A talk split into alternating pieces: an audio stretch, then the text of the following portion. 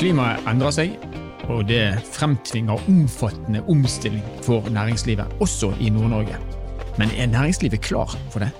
Dette er Nord-Norge i verden. Mitt navn er Stein Vidar Loftaas.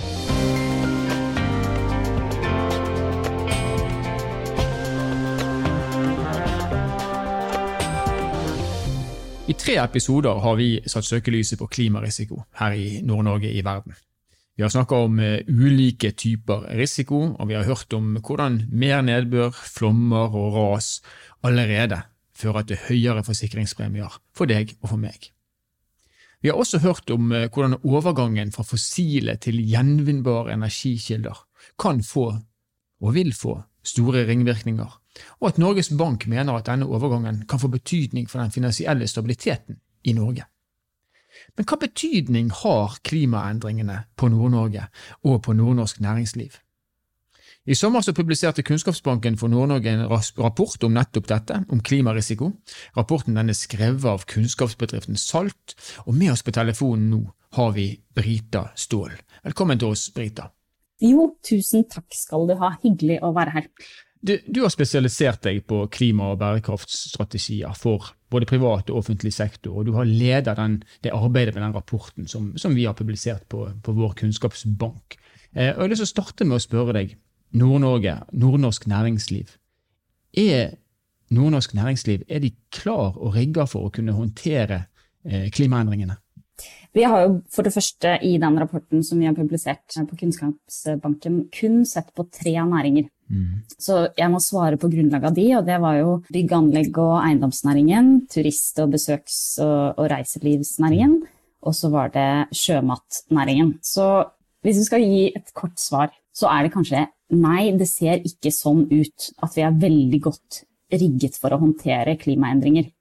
Men det lange svaret er at eh, mange ser på og jobber med utvalgte klimarisikoaspekter, men at det er lite systematikk i dette arbeidet. Og de beste tegnene til omstilling og rigging og klargjøring for et eh, litt endret arbeidsforhold ser vi jo i de mer økosystemnære bedriftene, spesielt i sjømatnæringa. Mm. Og det kan vi også argumentere for at det er en næring med mye ressurser, og som er ganske store bedrifter. Så det er jo en selvklarhet. De største kanskje har kommet best i gang. Men vi ser også ganske høy bevissthet i deler av turisme- og reiselivs- og transportnæringa. Og der er det også noen veldig kule lokale eksempler som, som er særegne for Nord-Norge. Mm. Og Hvis vi tar fatt i det, da, de, de lokale for det, det, det, som du sier, dette er tre næringer, men det er jo store næringer med sikkert geografiske forskjeller. og Du sier at det er noen, som, noen kule eksempler. Hva er, det som gjør at, hva er det som gjør at noen fokuserer på det innenfor samme næringen, mens andre gjør det i mindre grad, tror du? Ja, det tror jeg har jo igjen eh, Hvis vi ser på turismenæringen, så mm. handler jo det igjen om størrelse. Men det handler jo også om at transport i Norge har fått mer insentiver, og at det har blitt et større fokus. Og det som kanskje ligger under forvaltningens, eller liksom kommunale og fylkeskommunale tilbud, har jo fått et, en annen oppfølging fra myndighetene. Så vi ser f.eks. at alt som har gått ut av eh, anbud for, eh, for ferger, eh, og alt som skjer i transport og elektrifisering av biler, det skjer jo fortere i den um, offentlige sektoren enn det det gjør i det private. Mm. Uh, men samtidig så har vi jo uh, aktører som f.eks. Hurtigruta, som er verdens første cruiseselskap som virkelig setter sterke klima- og bærekraftsmål, og som følger opp med konkrete bestillinger av båter, og, og som ligger foran Eh, og det er jo en aktør som Nord-Norge har og, og, kommer til å ha som en viktig aktør også for de som bor her, og ikke bare for de som er turister. Men det blir jo en, veldig, et tydelig eksempel på at turismenæringa er i endring, da. Mm. Men, men, tilbake igjen eh, til det vi snakker om, Brita. for det, det, Når du nevner de tre hovednæringene som dere har sett på, fiskeri, havbruk, turisme, bygg og anlegg. Så det, det jeg hører, er at eh, den ene næringen er kommet ganske langt. Eh, reiseliv, turisme har kommet ikke fullt så langt. Mens bygg og anlegg de er da kanskje nederst av de tre.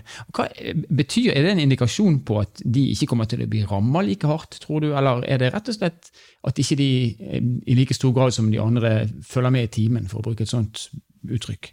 Jeg tror vi må være litt snille her, og så må vi se at eh, det er en del krav som har kommet gjennom plan- og bygningsloven, og en del sånn eh, rammebetingelser som, som en del av aktørene i, i den næringa forholder seg til, som, som, kanskje har gjort at man ikke trenger den tydelige omstillingen. Men hvis vi sammenligner med aktører i andre land eller Skandinavia, eh, så er det jo sånn at vi har ingen sånne kjempe ja, fremadstormende aktører som representerer vår landsdel. Så vi må tenke litt uh, annerledes om hvordan vi på en måte dømmer noen. Og så er det det at mm. når vi jobber med klimarisiko, så går vi jo ut fra scenariotankegang. Og da er det sånn at disse scenarioene baserer seg på hvordan vi har tenkt at et, hvis vi skriver frem hvordan, disse, hvordan klimaet kommer til å se ut, basert på forskning, så, så får vi ulike scenarioer. Og avhengig av hvor realistiske eller positive vi ønsker å være, så vil jo de ulike aktørene få helt ulike verdener å forholde seg til.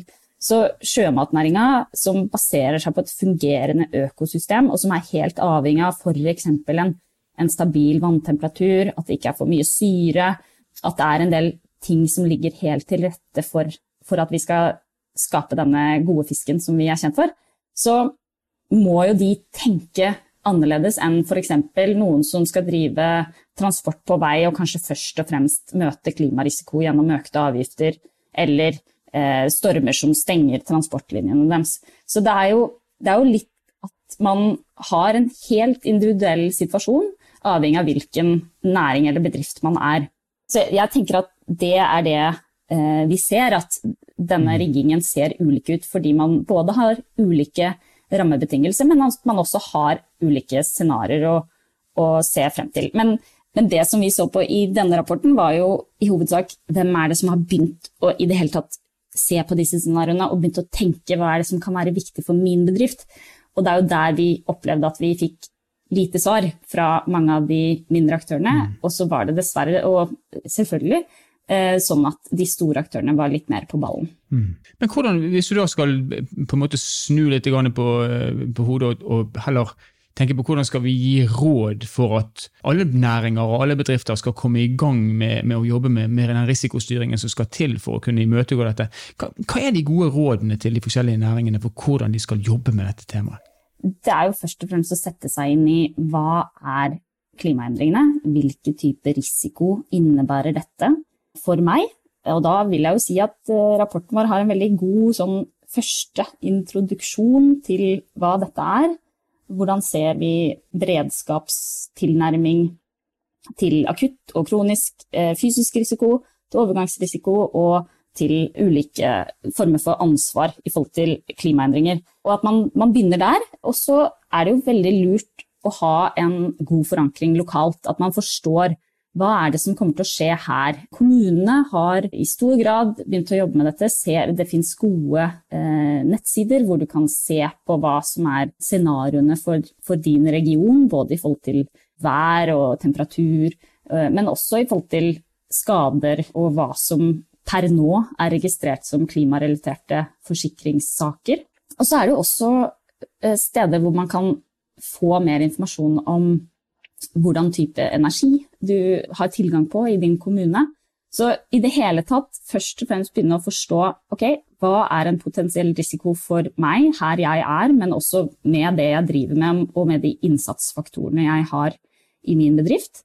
Og dernest begynne å se på ok, hva er det jeg kan gjøre noe med. Og så er det jo slik at For privat næring så er jo det kan du si, den fremste driveren til endring det er jo når det virkelig begynner å svi økonomisk. Eh, og foreløpig så har vi, Der er noe regulering, selvfølgelig, men foreløpig så har vi på en måte brukt gulrot kanskje i større grad enn pisk. Tror du at vi kommer til å ha behov for mer regulering for å få fortgang i, i dette arbeidet? Altså, hvis du spør meg personlig, som har engasjert meg litt for mye i klimasaken over litt for mange år med, med, med, mange ting, så ja, vi må få en pris på karbon som, som reflekterer det, den risikoen det skaper. Men i forhold til den enkelte bedrift, og hvis vi kanskje tenker litt sånn nordnorsk perspektiv, og vi tenker små og mellomstore bedrifter, så tror jeg vi må, vi må se spørsmålet litt i omvendt perspektiv at kanskje det er bedriftene som må stille krav til seg selv nå for å komme godt ut av det, og som eh, må begynne å tenke litt på ok, hvis jeg vil være her om fem og ti og 15 år, hva er det som må til? Eh, for da tror jeg også at du stiller mye bedre i et konkurranseperspektiv, både økonomisk og i forhold til det tilbudet du har til kundene dine. Så ja, regulering eh, må nok til, og det, det, ser vi også nå i forhold til det som skjer spesielt i EU med eh, klimalovgivning og New Green Deal, at det vil komme mer fra politikkutviklernes standpunkt, men at eh, vi også håper at bedriftene vil eh, ta ledelse på dette selv. Du, jeg har lyst til å, å, pense dette over på forskjellene mellom det private og det offentlige. Eh, du sier det vil, eller i hvert fall at du håper det vil komme mer reguleringer. og så er det slik at Den viktigste og den enkleste formen for regulering for det private det er når det blir nasvi på, på peng, pengepungen, som jeg sa i sted. Når det gjelder det offentlige, du sier kommunene og det offentlige jobber også med dette. og Vi har vel, hvis jeg ikke husker helt feil, 80 kommuner i Nord-Norge og, og to fylkeskommuner gjør, altså, tilnærmer de seg eh, dette spørsmålet på en lik måte, eller er det, er det 80 pluss to forskjellige metoder der? Um, det er dessverre Det har vært uh, litt ulikt, og det har vært mye forskjellig. Mm. Det er mye små kommuner med lite ressurser det er snakk om, som har mye annet uh, på, på prioriteringslista. Så det må vi på en måte si før vi begynner. Men det har vært mye gode tiltak for å få kommunene opp og frem. Det har vært klimasatsmidler, det har vært ulike finansieringsmodeller både gjennom Enova og andre som, som, har vært tilgjengelige for de som ønsket å få til kommunale tiltak.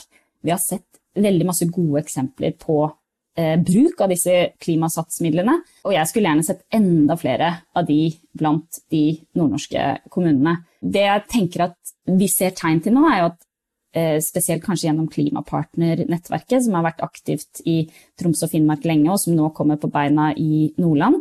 Det er at vi begynner å liksom lære av hverandre og slå oss litt sammen. Og det ser vi også hvis vi ser på eksemplene som Miljødirektoratet sitter på, og som vi, vi har fått presentert fra det som har blitt brukt av klimasatsmidler til nå så ser vi at de beste eksemplene er jo de som slår seg sammen om, om regionale prosjekter, eller ser på infrastrukturprosjekter sammen, og som både lærer av hverandre, men også som, som får synergier ved at man kan eh, dele litt på dette.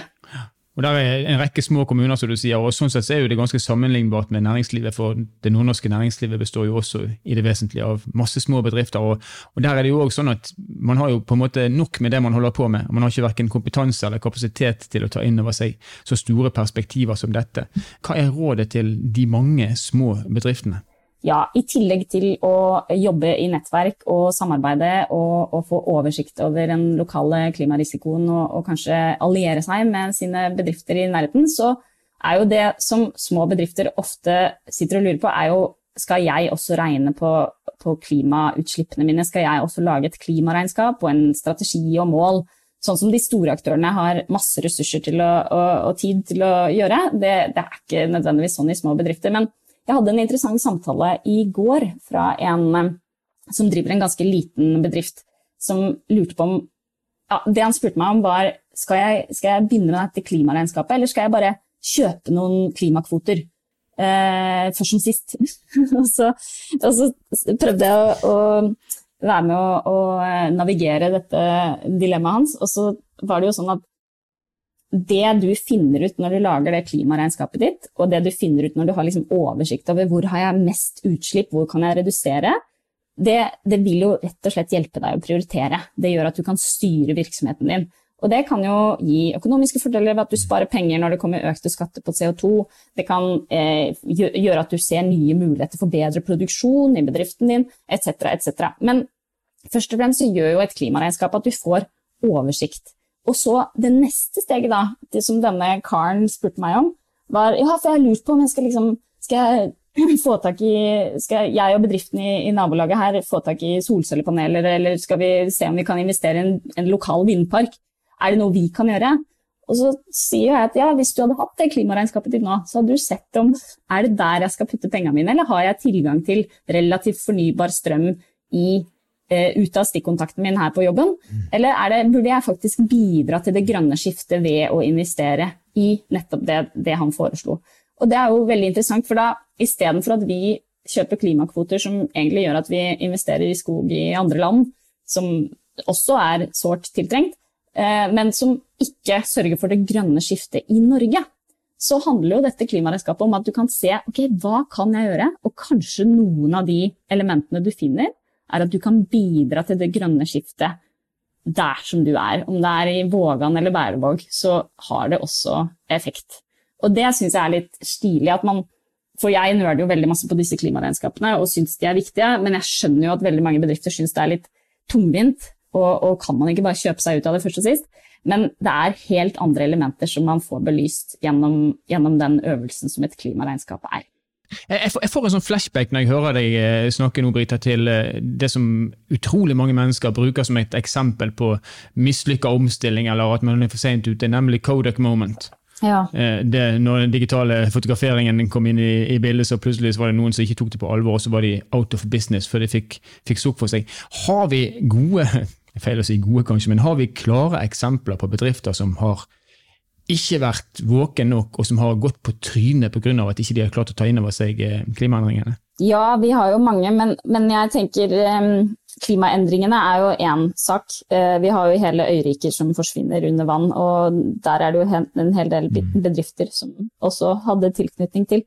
Og For ikke snakke om skianlegg og, og alpedestinasjoner som plutselig ikke har den breen som de pleide å ha. Mm. Men jeg tenker jo mye risiko. Og da syns jeg jo et veldig nylig eksempel er jo hvis vi gjør en veldig kort sammenligning mellom eh, Equinor og Ørsted, som var tidligere Danish Oil and Gas, eh, Dong Energy, som nå er et helt fornybart selskap, eh, mens mm. vi ser at styret i Equinor sliter med at vi hadde altfor masse penger nedsausa i lite eh, lønnsomme bedrifter i, i, USA, så er det jo litt sånn Man må tenke på hva er det investorene eller kundene kommer til å ha fokus på fremover, og hvordan kan jeg være tilbyderen av det. Og Der eh, handler det om å liksom se klimarisiko i helhet. og At vi ikke bare ser på disse fysiske stormene, eller at hus kan bli ødelagt og at eh, garasjetaket forsvinner, men at vi ser den helhetlige delen som handler om denne overgangsrisikoen og det som må skje i forhold til en omstilling. Eh, og det handler om et prisbilde. Det handler om at kundene våre kommer til å forvente helt andre ting. Mm. Det handler om at vi er en litt annen verden. Og igjen så tror jeg jeg må trekke en liten sånn linje til denne koronakrisen. For der, selv om mange var fundamentalt uforberedt på hva som kom, og ikke hadde noen backup eller sparekonto, så så vi jo også at det var noen aktører som slengte seg på ballen, og som omstilte, og som plutselig nå har tilrettelagt tilbudet sitt for disse nordmennene som skal komme i sommer, eller som har eh, begynt å bruke lokale leverandører på råvarer, eller som har tenkt helt annerledes om transportlinjer enn det de hadde gjort før. Så, så det er jo en sånn entreprenørskapsånd, kanskje spesielt i Nord-Norge, hvor vi har liksom vært vant med å forholde oss til at ja, vær og vind gjorde at ting ikke var like greit som det skulle være. Eh, så, så, det kan vi jo håpe at flere tar i bruk også, også når vi snakker om klima. Ja, for enhver risiko eh, bringer med seg også muligheter. Det er det du egentlig peker på nå. Og Da, da er det også legitimt kanskje å spørre om er vi for um, hva skal jeg si, Er vi litt for gammeldags i tankesettet vårt at vi, når det skjer en endring, så er vi massive ut med advarsler og hva man skal gjøre for å stoppe endringen, hva man skal gjøre for å, eh, for, for å klare seg gjennom endringen, og kanskje for lite opptatt av hva nye muligheter gir disse endringene? Ja, jeg... Ikke det, ikke det, jeg mener ikke at vi skal la klimaendringene gå sin gang, det er ikke det jeg mener, men bare sånn i generell, eh, generell forstand. Ja, eller det, det fins flere måter å se dette på, men, men det var jo mange som så korona som en restart. Som bare Yes, nå får jeg endelig mulighet til å gjøre den restaureringen eller sette det, den maskinen i stand. Uh, og nå har jeg nedetid, mm. og så bruker jeg den nyttige. Og så eh, tenkte man kanskje ikke at den nedetiden skulle være så lang, men at man i hvert fall embracet, eller hva, et godt norsk ord, uh, tok imot mm. endringen på, på, en best mulig måte og gjorde noe godt ut av den. Men i forhold til klima så har vi jo, det, som jeg ikke liker å påpeke i rapporten, men som, som, helt klart er der, er det jo muligheter for et uh, hyggeligere klima for mange nordlendinger som ikke har hatt uh, de beste somrene i, i årtier. Uh, og det er jo også muligheter ved nye handels... Et mindre islagt Arktis som fører til nye handelsruter og nye stopper og nye havner. Så det er jo, som med all utvikling, så er det jo noe som må kunne brukes til det beste. Mm. Men vi må holde tunga rett i munnen, og så må vi se på at ja, det fins selvfølgelig et mulighetsperspektiv i klimaendringer, men akkurat nå så har vi det veldig travelt med å sørge for at disse såkalte tipping points, som vi vet er i store økosystemendringene som kan skje ved at deler av dette systemet kollapser, som er så farlige at mm. vi, vi må på en måte holde fokus på ballen, og det er å redusere utslipp. Og ved å redusere utslipp så reduserer vi også risiko, både den fysiske risikoen globalt, men også den, den eh, omstillings- eh, og overgangsrisikoen som vi må uh, sørge for her i Norge og i Nord-Norge. Så Ha gjerne to tanker i hodet på en gang, men ta det viktigste først. Ja. Du, en, en, annen ting jeg kom til å tenke på når du, når du nå i sted nevnte Equinor. Vi har så vidt vært innom eh, kommunene og kommunene, hva de gjør og hva de kan gjøre. Eh, og så er det jo slik at eh, næringslivet i Nord-Norge også er prega av distriktspolitikk til en viss grad. Og hvis jeg sier Hammerfest, eller Harstad, eller for den saks skyld eh, noen av, eh, av småbyene på, på, Helgeland, som på en måte har satsa og bygd seg opp rundt olje og fossil eh, energi. Hva er deres fremtid, når nå vi skal ta ned kan du si, dette, dette påtrykket? Eh, igjen da, så tenker jeg at det, hvis vi får nye handelsruter, eh, så er det jo mange av havnene eh, på den ruten som, som kan brukes til det. Og jeg ser jo ikke at det er noen sånn elementære forskjeller gjennom å ha en uh, olje- og gassbåt som kommer innom, enn å ha en som driver med havvind eller en som driver med havsol. Og vi vet jo at den teknologien som vi har brukt mye tid og penger på å bygge opp i Norge, og som vi er veldig stolte av, som er innenfor olje og gass, den kan brukes til mange andre ting. Sånn at vi vet at dette handler om at vi skal legge ned noen havner som vi akkurat har bygd, eller at vi skal eh, rigge ned beredskapen. Vi skal bare stille den om. Eh, og både med CCS, altså eh, Carbon Capture and Storage, som handler om at vi lagrer karbon istedenfor å ta det opp av bakken, det vil jo kreve veldig mye av den samme teknikken som vi nå har for å pumpe opp olje. Så der er det jo muligheter som vi i et eh, omstillingsperspektiv har veldig, veldig behov for, og som, som vil, eh, vil, fortsatt finnes langs hele Norges kyst. Og så tenker jeg også at i dette, spesielt for Nord-Norge, så handler det også om at vi må, eh, vi må være tydelige på hva vi trenger. Vi har en lang, fin kyst. Deler av den kan brukes. Vi må jobbe i Eh, symbiose med fiskeri og sjømatnæring. Eh, men vi, vi, ser at dette er ikke noe som bare handler om olje og gass. Det er jo ressurser som fins fra veldig mange andre kilder eh, som vi må ta bruk av. Um vi begynner å, å nærme oss uh, enden av alle spørsmålene jeg uh, satt med når vi starta, men det er en ting som uh, vi er nødt til å snakke litt om, Brita. og det er Når man skal få til omstilling, så må man fundamentere det på god kunnskap. Og En undersøkelse som er gjort fra Universitetet i Bergen ganske nylig, den peker på at 25 altså én av fire nordmenn, ikke anser klimaendringene som alvorlige. Hvor enkelt er det å få til omstilling hvis en fjerdedel av eh, de som bor i landet mener at vi ikke har et problem? Nei, det, det, er, jo, det er, jo, vanskelig. Og vi, vi, jeg så nylig en undersøkelse fra et forsikringsselskap som så at nordlendingene var de som hadde lavest forventninger om at de kunne ha eiendom eller, eh, eller eh, biler som var i risiko pga. klimaendringer. Så det er jo helt klart en svakhet for omstilling at vi ikke har med oss folk. Og det er jo også det som man ser på som omstillingsrisiko. At vi rett og slett ikke har det fundamentet i, i folket til å få gjort de endringene vi krever. Det, det, er det som fører til gule vester, det er det som krever, fører til bompengedemonstrasjoner. Eh, så det, det, er jo farlig, rett og slett. Og, og det som kanskje er spesielt for Norge, for jeg tror nemlig at jeg så en tilsvarende undersøkelse som det du nevner fra en brite allerede for sånn ti år siden. Og den hadde en tydelig link til at Norge også er, for å være et veldig utviklet land, så har vi en veldig tydelig eh, Det er en gjengs tanke at det bare handler om at vi har olje og gass.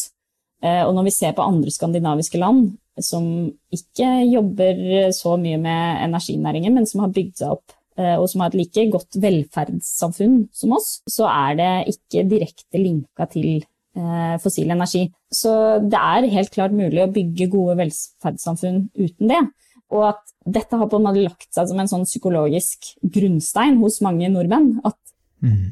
de må jo ha det. Og da er det også lett å, å tenke at uh, vi finner løsninger, men ikke vi, vi, tror ikke nødvendigvis, eller vi ser ikke nødvendigvis denne trusselen som, som så stor.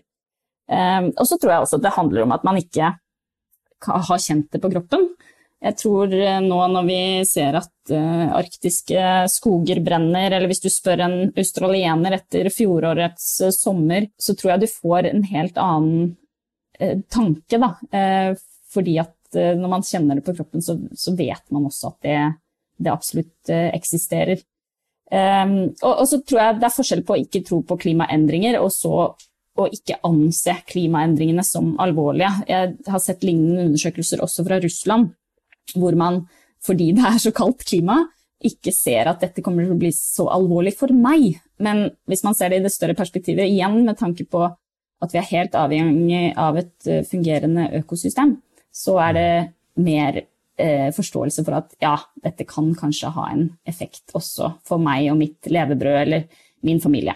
Du nevner Brita, du nevner tipping points. Her kommer noen tipping points opp i ganske nær fremtid. og Vi vet at vi har noen, noen alvorlige grenser på, i 2030 eh, og i 2050, der vi skal på en måte etter hvert bli helt klima, klimautslippsnøytrale. Har du troen? Um, på at vi skal bli utslippsnøytrale. Innen 2030, ja, er det det du spør om? Eller at vi klarer å snu denne, eh, denne negative spiralen vi er inne i i forhold til eh, endringene? Jeg tror at det går.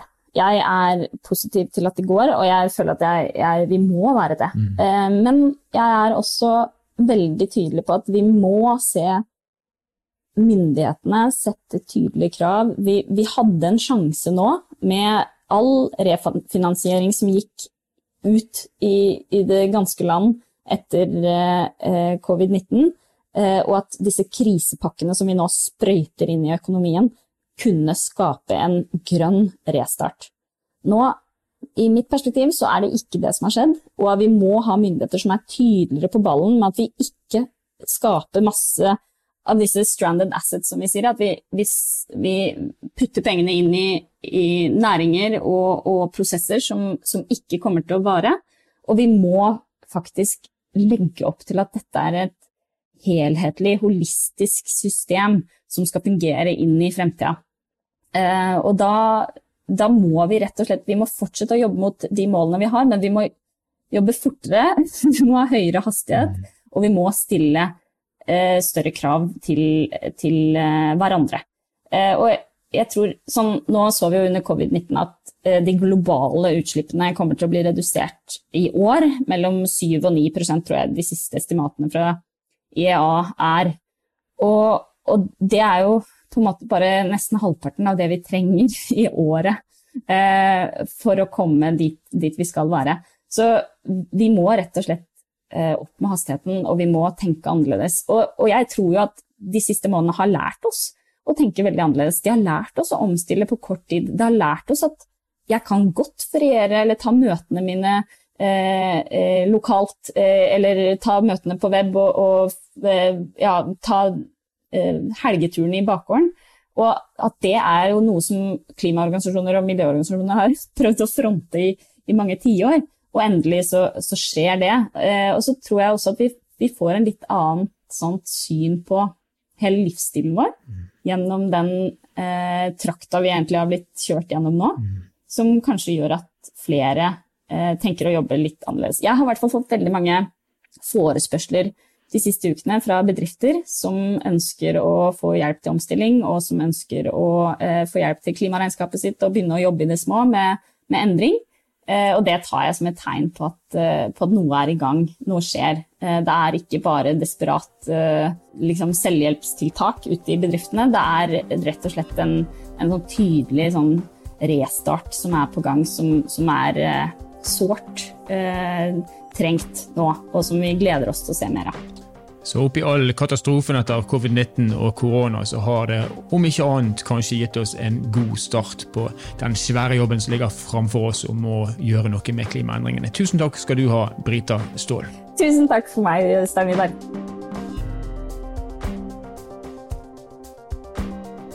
Det var altså den fjerde og siste episoden vår, i hvert fall i denne omgang, om det som omhandler klimaendringer og klimarisiko. Jeg håper dere har fått et eh, litt tydeligere bilde av både hvordan tilstanden er i eh, vårt nordnorske næringsliv, og kanskje også noen gode råd for hva man bør gjøre. Jeg vil igjen henvise til rapporten som dere finner på kbnn.no. Eh, hvis dere vil fordype dere ytterligere i temaet, eller finne enda flere gode råd om hva man trenger å gjøre. Så får vi se etter hvert, når disse tipping pointsene som Brita Ståhl snakker om, eh, kommer seilende, eh, og det kanskje blir enda mer tydelig at hvis ikke vi agerer nå, så vil det skje noe. Kanskje med økonomien vår, kanskje med fysiske, de fysiske omgivelsene våre, og kanskje det som enda verre er. Og så vet ikke vi før vi kommer til 2030 eller 2050 om de egentlig ganske ekstremt hårete målene som er satt på vegne av hele verdenssamfunnet, faktisk vil bli nådd. Den som lever, får se. Enn så lenge så får vi gjøre det vi kan, både du og jeg og alle andre. Nord-Norge i verden er en podkastserie som er produsert av Sparebank1 Nord-Norge i samarbeid med Helt digital. Musikken du har hørt, er laga av Emil Karlsen. Mitt navn er Stein Vidar Loftaas. Vi høres igjen i neste episode.